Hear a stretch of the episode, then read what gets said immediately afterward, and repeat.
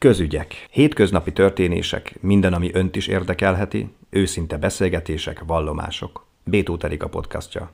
Vendégünk a stúdióban dr. Kardos Zsófia, aki a Borsadabaúj Zemplén vármegyei kórház orvosa, és hát annak apropóján beszélgettünk, hogy a Magyar Reumatológusok Egyesületének a kongresszusán ön a legjobb előadásdíjat nyerte. Most minek köszönhető ez a díj?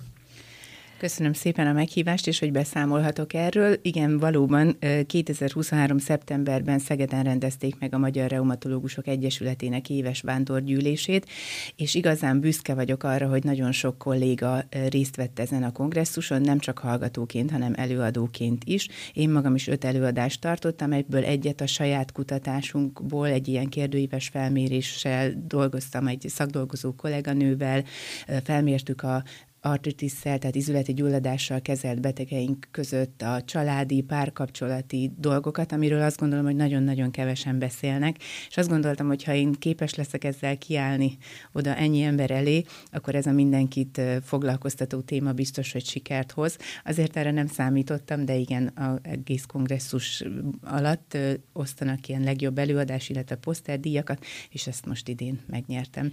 Hát nagyon érdekes a téma is. Igen. Tehát magának ennek ennek a gyulladásos, izületi gyulladásos megbetegedésnek köze van a családhoz, a lélekhez, a, az érzelmekhez? Hát hogy ne, ezek a betegségek fiatal felnőtt korban ö, kezdődnek, tehát egyrészt ö, a legfiatalabbaknál már az életpályát, a foglalkozást segítünk kiválasztani a betegeinknek, és utána, hogyha olyan korba kerülnek, hogy szóba jön a családtervezés, azt mindig azt szoktam mondani, hogy ha már megszületett a gondolat, hogy gyermeket szeretne, akkor ezt először nekem mondja, mert meg be kell állítanunk a gyógyszeres kezeléseket, vannak olyan gyógyszeres kezelések, amelyet mellett nem lehet gyermeket vállalni, tehát mi tényleg igazán szoros kapcsolatban vagyunk a betegeinkkel ilyen tekintetben, át kell kezelnünk, át kell kell állítanunk a gyógyszeres terápiákat, az, hogyha bekövetkezik a terhesség, megint egy más típusú szemléletet igényel, tehát mi mindig ott vagyunk a betegeink mellett, akár a gyermekvállalás, szoptatás, mind, mindnek megvannak a szakmai szabályai, hogy milyen gyógyszereket kaphat, és mire kell odafigyelnünk. De hogyan alakulhat ki ez az izületi gyulladás? Tehát mi okozza ezt? Az izületi gyulladásnak a hátterében egyrészt van egy genetikai hajlam, másik ugye pedig az immunrendszernek a kóros működése, amit egy fertőzés, vagy most a COVID-oltásnál sokszor láttuk. Tehát az immunrendszernek egy kóros reakciója, ami aztán megtámadja a saját sejteket, ez a reumatológia esetében ugye leginkább az izületi problémákat jelenti. És ugye, hogyha már így még az előző kérdéshez visszatérhetek egy kicsit, akkor vannak olyan betegségek, amelyek bőrtünetekkel járnak, az izületek deformitásához vezetnek, betegnek, ami ugye a testképére is nagyon kedvezőtlen hatással van a betegnek. Emiatt a párválasztás, a családi társas kapcsolatok, a párkapcsolati problémák mind-mind a betegségnek a velejárói.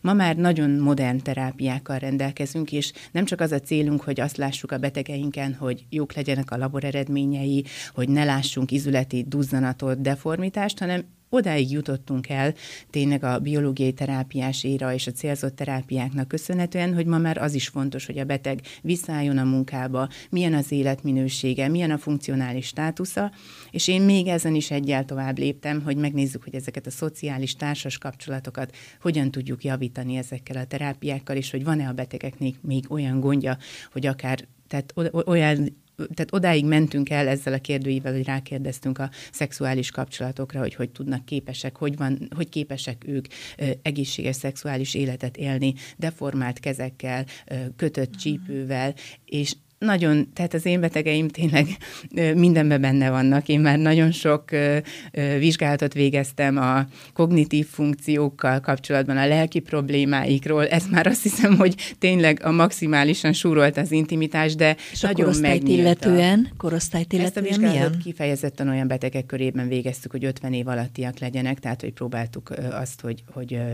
aktív mm. ilyen irányú életet éljenek. Említette a bőrtüneteket, bőrgyógyász is. Nem nem, nem, nem, nem. Allergológus és klinikai immunológus vagyok, de ennek a szakvizsgának nagy része egyébként bőrgyógyászat, az allergológia, az allergia tesztek, úgyhogy voltam sokszor gyakorlaton a bőrgyógyászaton, és olyan szerencsés is vagyok, hogy a Szent Ferenc Takkórházban, ahol én dolgozom, a szomszédosztály, ez a bőrgyógyászati osztály, úgyhogy nagyon szoros kapcsolatunk van, és ez pont azért jó a, elsősorban a betegek szempontjából, hogy ott vagyunk egymás mellett, és mindenki tud segíteni a másiknak, ha van erre szükség. Amikor az ember azt hallja, hogy reumatológiai osztály, akkor az jut eszébe, hogy csak olyan betegek mennek erre az osztályra, akiknek fájnak az izületei. Na most azért ez ennyire lesarkítva nem igaz, ugye? Ez ennyire lesarkítva nem, tehát ö, szeretném kiemelni, hogy itt a Miskolci Reumatológiai Osztály, ez a nagy klinikai centrumok után a legnagyobb biológiai terápiás centrum. Foglalkozunk ugyan kopásos izületi betegségekkel, ezzel a derékvanfáj, csípőnfáj, de elsősorban a fő profilunk az az a gyulladásos izületi betegség. És a gyulladásos izületi betegség az nem korlátozódik csak az izületekre, ezeknek a betegeknek figyelnünk kell a kardiovaszkuláris tényezőire, egy fokozott szisztémás gyulladás számos egyéb társbetegséggel is társul, úgyhogy emiatt komplex ellátást adunk. Étkezésnek neki. köze van ehhez az izületi gyulladáshoz? Sokat kutatták az étkezést, de egyelőre nincsen olyan, amire biztosan azt tudnánk mondani, hogy szerepet játszik akár a betegség kialakulásában. Nyilván a izületi érintettségnél a testsúly az egy kardinális kérdés, tehát hogyha valaki túlsúlyos, annak nyilván nagyobb terhelés jut az izületeire, de ilyen okokozati összefüggés egyéb tekintetben egyenlőre nem ismert. Fiatalok körében mennyire gyakori?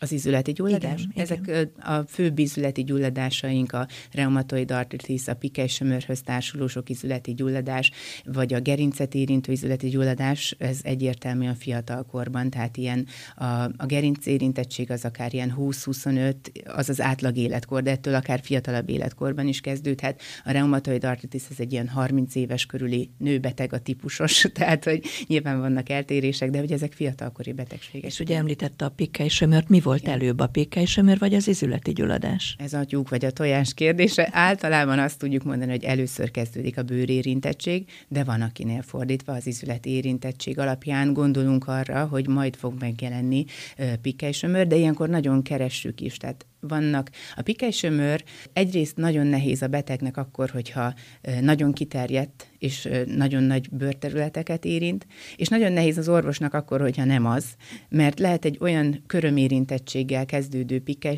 amit egy bőrgombá, vagy körömgombával, bocsánat, körömgombával összetéveszthető.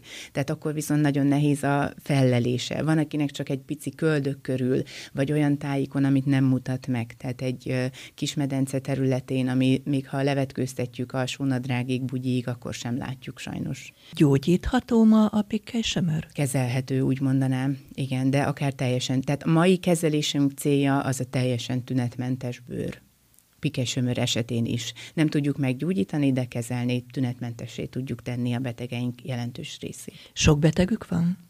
Nekünk, aki biológiaival, illetve célzott terápiával kezelt, az csak nem 700 gondozott betegünk van. Ez ugye csak az izületi manifestáció, a bőrgyógyászaton még több mint 200 beteget követnek, akiknek csak bőrtünete van.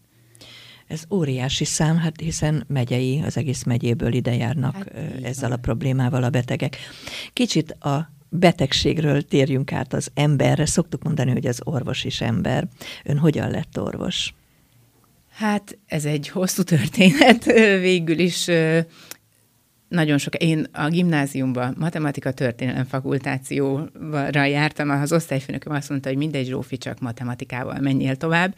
Hát ez így az utolsó pillanatban változott meg. Először pszichológus akartam lenni, aztán az édesanyámék meggyőztek, hogy akkor jobb, ha orvosira megyek, és akkor inkább úgy foglalkozom a betegeknek a lelki világával, és akkor így választottam az orvosi egyetemet az utolsó pillanatban tényleg, de nem bántam meg. És miért pont a reumatológiát? A reumatológia szintén egy ilyen utolsó pillanatos döntés volt. Én szerettem volna egy kicsit ilyen manuális sebészi szakmára menni, de az utolsó éven az egyetemen összeismerkedtem a férjemmel, aki elválaszthatatlanul tüdőgyógyász szeretett volna lenni, és akkor, akkor már a gyereksebészeten gondolkoztam, az havi nyolc ügyelet lett volna a férjemnek havi hat, és akkor azt a döntést hoztam, hogy én is szeretnék majd saját gyermekeket, és akkor inkább választottam Akkor egy... pusztán praktikus okokból praktikus lett reumatológus? Praktikus, de, de, de egy pillanatra nem bántam meg ezt a döntést. Azt hiszem, hogy nagyon jó döntés volt. Olyan... Ez nagy döntés, ugye egy orvos életében ugye elvégzi az orvosi igen. egyetemet, és aztán szakosodni kell. Én Tehát, hogy merre? jelentkeztem az orvosi egyetem elvégzése után, hat szakra jelentkeztem, mind a hatra fel is vettek, és akkor voltam nagy dilemmában, hogy akkor mit válasszak, de azt hiszem, hogy tényleg a grémiumtól, Szekanec professzor úrtól is támogatást kapok, az itteniek is olyan szeretettel fogadtak az osztályon, és úgy lettem most én az osztályvezető, hogy még mindenkivel együtt dolgozom, akivel, akitől a szakmát tanultam, és elfogadnak, szeretnek, remélem. Én nagyon szeretem őket, úgyhogy nagyon szeretem a szakmámat, hogy itt lehetek, a várost, mindent. Mert hogy Miskolci ezek szerint? Én egyébként Miskolci vagyok, igen. Egy orvos életében az, különösen a nők életében nagy dilemma ugye, hogy gyereket vállalni, vagy karriert építeni. Melyiket választotta? Azt hiszem, hogy nagyon szerencsés vagyok. Amit itt egy városi megyei jogú városi kórházban el lehet érni, azt azt gondolom, hogy majd, hogy nem mind teljesítettem karrier szempontból is, és emellett van két gyönyörű gyermekem, akikre nagyon igyekszem odafigyelni nagyon rossz tulajdonságom, hogy nehezen tudok nemet mondani. Ez legyen akár beteg, akár egy tudományos felkérés, akár egy újabb feladat, tehát mindent elvállalok, és éjszaka is csinálom, hogyha szükség van rá, de elsősorban a gyermekeimet tartom a legfontosabbnak, és igyekszem Hány mellettük állni. Fiam ő 13 éves, és a kislányom pedig 10. Hát akkor már kiskamaszkorban vannak, Így lehet van. mondani, és a lelkükkel is lehet foglalkozni, ugye, mert hát ilyenkor a legfontosabb. Igen. Visszatérve egyébként a szakmára, azt mondta, hogy véletlenül lett reumatológus, tulajdonképpen ez hangzott el. Nem bánta meg, ugye? Nem, nem, nem. Mennyire kell állandóan fejlődni ebben a szakmában, vagy ezen a szakterületen? Vagy mindenütt így van az orvosi szakterületeken, hogy az állandó fejlődés útján vannak? Ez így van, tehát szerintem, ha valaki változás. az orvosi pályát választja, akkor mindig jönnek újabb gyógyszerek, újabb kezelési módok, újabb műtéti technikák, tehát hogy az orvos az sosem pihen, tehát az az igazán jó orvos, aki mindig fejlődik, és utána jár ez, és tisztában van az új lehetőségekkel, hiszen úgy tudja a betegeinek a legjobb ellátást nyújtani. Nagyon sokat beszélünk az egészségügyben arról, hogy a prevenció, prevenció. Nos, a reumatológia területén milyen prevenció érhető el? Hát a reumatológia területén ez egy kiemelten fontos dolog lenne, ugye, hogy ahogy az életünk során idősödünk, mindenkinek van reumatológiai problémája, tehát a porckopás az mindenkit elér. Kezdetben nem úgy vagyunk tervezve, hogy 80-90 éves korig érünk el, ugye ez az orvostudomány kellett, és ugyanúgy kopik mindenünk, tehát a prevencióra fontos lenne hangsúlyt tetni. Elsősorban ugye a helyes életmód, a rendszeresen végzett torna, a testsúlycsökkentés, de ez a mai világ, hogy mindenki mindenhova rohan, ül a számítógépnél, ez csak rossz a reumatológiai betegségek szempontjából. A porckapást említette, nagyon sok, ö, ö, hát hogy is mondjam, ilyen homeopátiás szer van forgalomban, anélkül, hogy neveket mondanánk, érnek ezek valamit? Tehát valóban úgy hirdetik, hogy megiszol egy üveggel, és vissza fejlődik ott a porc a térdedben, a nem tudom, a könyöködben. Nem, sajnos jelenleg olyan terápiával, ami a porc regenerációját indukálná, nem rendelkezünk, tehát nem tudjuk a porcot visszaépíteni. Azért nagyon nehéz ez a kérdés, mert ugye a porcban nincsenek még csak vérerek sem. Tehát kifejezetten csak a csont felől tud valamennyit építkezni. Tehát bármit, amit beveszünk, megiszunk, az igazából a gyomorban elbomlik, elbomlik, és nincs is, ami oda juttatná a porchoz. Úgyhogy igazából sajnos erre még várni kell itt is majd valahogy biztos vagyok benne, hogy valahogy az immunrendszert kell majd egy kicsit modulálni, hogy ne károsítsuk a saját porcunkat, hiszen ugye minden, amit tönkre megy, az valahogy a saját szervezetünk is benne van. És az, hogy reumatológiai vagy reumatológus szemével ugye tönkre megyünk, elhasználódunk, ez már egészen kiskorban elkezdődhet. Azt mondják, nem szabad megfázni, a kisgyerek nagy erős táskát cipel, vagy nehéz táskát cipel a hátán. Ezek mind-mind a csont, a vázrendszerünket terheli. Tehát ez okozhat később például mondjuk a gyerekek esetében ugye látjuk, hogy kis első osztályos gyerek nagyobb a táska, mint igen, a gyerek. Igen, igen. Ez okozhat később olyan problémát, amire nem is gondoljuk, hogy ez okozta, de később jön ki. Persze, szerintem erre nagyon fontos odafigyelni szülőként, ugye a helyes iskolatáska, hogy mi az, amit a gyermek bír. Ma már ez a gurulós iskolatáska nagyon divatos, az én kislányomnak is olyan van, és akkor az csak húzza maga után. De az, hogy, hogy után, inkább itt később is az, hogy divatos oldaltáska, tehát nagyon fontos a, a vázizomrendszerünk egyforma terhelése, a nem túlterhelése, és egyre több a kisgyermekkori elhízás is, erre is nagyon oda kell figyelni, és az, hogy már kisgyermekkorba beépüljön a gyermekbe a sport, a, a rendszeres mozgás, és ugyanakkor ott a másik oldal, hogyha elindítunk egy gyermeket egy élsportba, igazából az izületeit az is túlterheli, tehát itt ez az egyensúlynak a megtalálása, ez fontos dolog, de be kell építenünk már a gyermekeink életébe azt, hogy, azt, hogy sportoljanak, és megtalálják azt a form, mozgásformát, amit szívesen csinálnak, nem terheli őket túl, de mégis a napi mozgás meglegyen, igen. A családban volt egy öreg dédike, és azt mondta a fiamnak, amikor ugye a térdben kivágott farmernadrágot fölvette télen, hogy kisfiam, vedd le, mert izületes leszel. Igaz ez? Hát a hideg az rosszat tesz az izületeknek, igen. igen. Főleg azoknál látjuk, akik tartósan hideg vízbe áztatják a kezüket, nekik biztos, hogy előre haladottabb lesz a porckopás. Mi a helyzet a gyógyvizekkel? Ugye sokan azt mondják, hogy elmennek egy jó gyógyfürdőbe, mert hogy az izületeikre jó hatással van. Igen. Itt nagyon fontos megemlíteni azt, hogy valakinek tényleg ez az autoimmunizületi gyulladása van, mert hogyha ez valóban gyulladt ízület, akkor annak rosszat tesz a meleg, uh-huh. de az esetek 95%-ában, vagy akár gyakrabban is ez a kopásos elváltozás áll az ízületi panaszok hátterébe, amire ugye kifejezetten jó tesz a víz, a meleg hatás, meleg pakolásokat is szoktunk alkalmazni, tehát hogyha egy ízületben nem úgy néz ki, hogy feszes, piros és meleg tapintatú, ugye ezek a gyulladásra jellemző elváltozások, akkor jót tesz a betegeknek a meleg víz. És a reumatológia maga is a fürdőhelyekről fel fejlődött ki, és ezért vagyunk mi vezető nagyhatalom a fürdőgyógyászatban, és ezért a reumatológiában is világszerte, hiszen akkor a gyógyvízkincsel rendelkezünk, hogy ezt kár nem kihasználni. Tehát ezt mindenkinek ajánlom kezdődő ízületi panaszokkal, vagy akár később is, hogy egy, egy ilyen heti rendszerességgel elmenni egy gyógyfürdőbe, az úgy az egész testnek jót tesz. Csontritkolás, nem tudom, mennyire az önasztala is. Hát mi csontritkulás centrum is vagyunk, úgyhogy igen, ebben is otthon vagyunk. Nos, azt mondják ugye, hogy a hölgyek különösen a változó kor után szenvednek jó részt a csontritkulásban. Mivel nyilvánulhat meg, milyen tünetei lehetnek egy ilyen betegnek? Hát a csontritkulás az azért veszélyes, mert úgy is hívjuk, hogy a néma kór. Tehát addig, amíg az embernek nem következik be az első csonttörése, addig esetleg nem is gondol rá.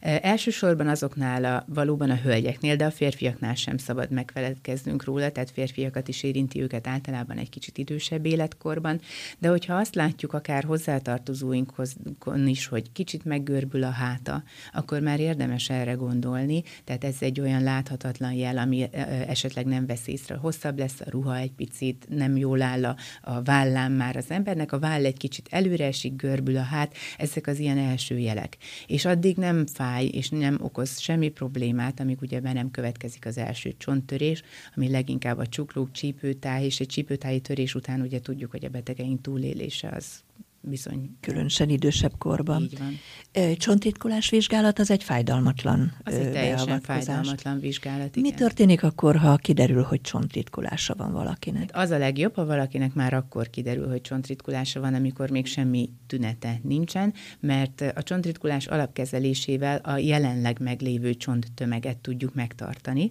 és ugye akkor szépen meg, meg tudjuk előzni a további fogyást.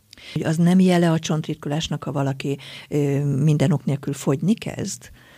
Hát, Hiszen a csont üregesedik tulajdonképpen, ha hát nem biztos, tudom, jó szót használok Igen, igen, de azért ez olyan jelentősen nem, nem. nem látszik úgy, hogy most ezt így mérlegre állva meg tudnánk határozni, tehát ehhez azért... Na és mit lehet tenni, ha már tudjuk, hogy csontitkulásunk van? Hát a csontritkulást is meg lehet előzni, tehát hogyha helyes táplálkozással, kálciumfogyasztással, D-vitamin szedésével, és erre szeretném felhívni a figyelmet, hogy az, hogy a napon vagyunk, az nem egyenlő azzal, hogy D-vitamint is fogyasztunk, hiszen a bőrben a D-vitamin az csak aktiválódik, de ha nincs minek, akkor hiába ülünk a napon. Tehát nagyon fontos az, hogy meg, megfelelő mennyiségű D-vitamint juttassunk a szervezetünkbe, de ami még ennél is fontosabb, megint csak visszatérek a testmozgásra. Tehát egy rendszer rendszeres séta akár időskorban, vagy bármi olyan, ami az antigravitációs izmokat erősíti, az jót tesz a csontritkulás szempontjából, az egyensúlyfejlesztés, tehát a, a testmozgás mindennek az alapja, és utána a helyes táplálkozás, a kálcium, D-vitamin bevitel, illetve időskorban gondolni kell arra, hogy a eséseket megelőzzük, akár úgy akadálymentesíteni az otthonunkat. Na de hogyha már van egy kialakult csontritkulás, az nem gyógyul meg, tehát az eredetére nem áll vissza soha, ugye? De a, itt is nagyon is sok új terápiánk van, amivel be tudunk avatkozni a csontanyag cserébe, és akkor elkezdhet, visszafordítható valamennyire ez a folyamat, tehát e, tudunk ép, úgy mondjuk nagyképűen tudunk új csontot építeni, tehát ez nem olyan, mint a porc, hál' Istennek a csontunk az rendszeresen megújul, ott van lehetőség a csontanyag cserébe úgy beavatkozni, akár ilyen injekciós kezeléssel is, azt persze a betegnek vállalni kell, de így akkor a csont tömegét tudjuk növelni, és jelentősen csökkenteni a rizikót. Ön javasolja, hogy igyon minden nap a hölgy egy pohár tejet? Mindenképp.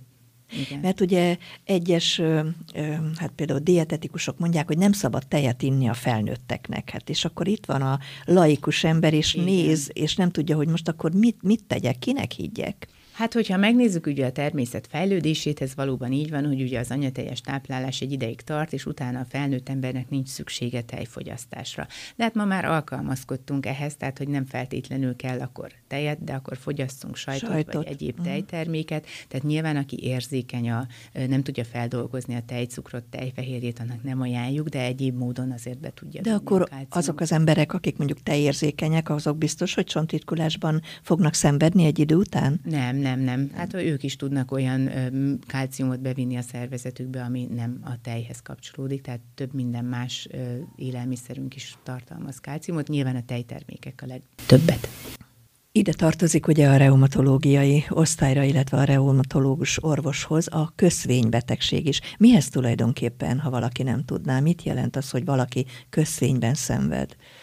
Hát ebből is elég sok félreértés vagy van a köztudatban. Köszvényes betegnek azt nevezzük, akinek izületi gyulladása van. A köszvény megelőző állapot az, amikor valakinek magasabb a húgysav szintje. Tehát, hogyha a laborvizsgálatot elvégzi, és azt látjuk, hogy a húgysavnál emelkedett szint van, akkor azt hiperurikémiának nevezzük, ez lefordítva azt jelenti, hogy a vérben magas a húgysav szint.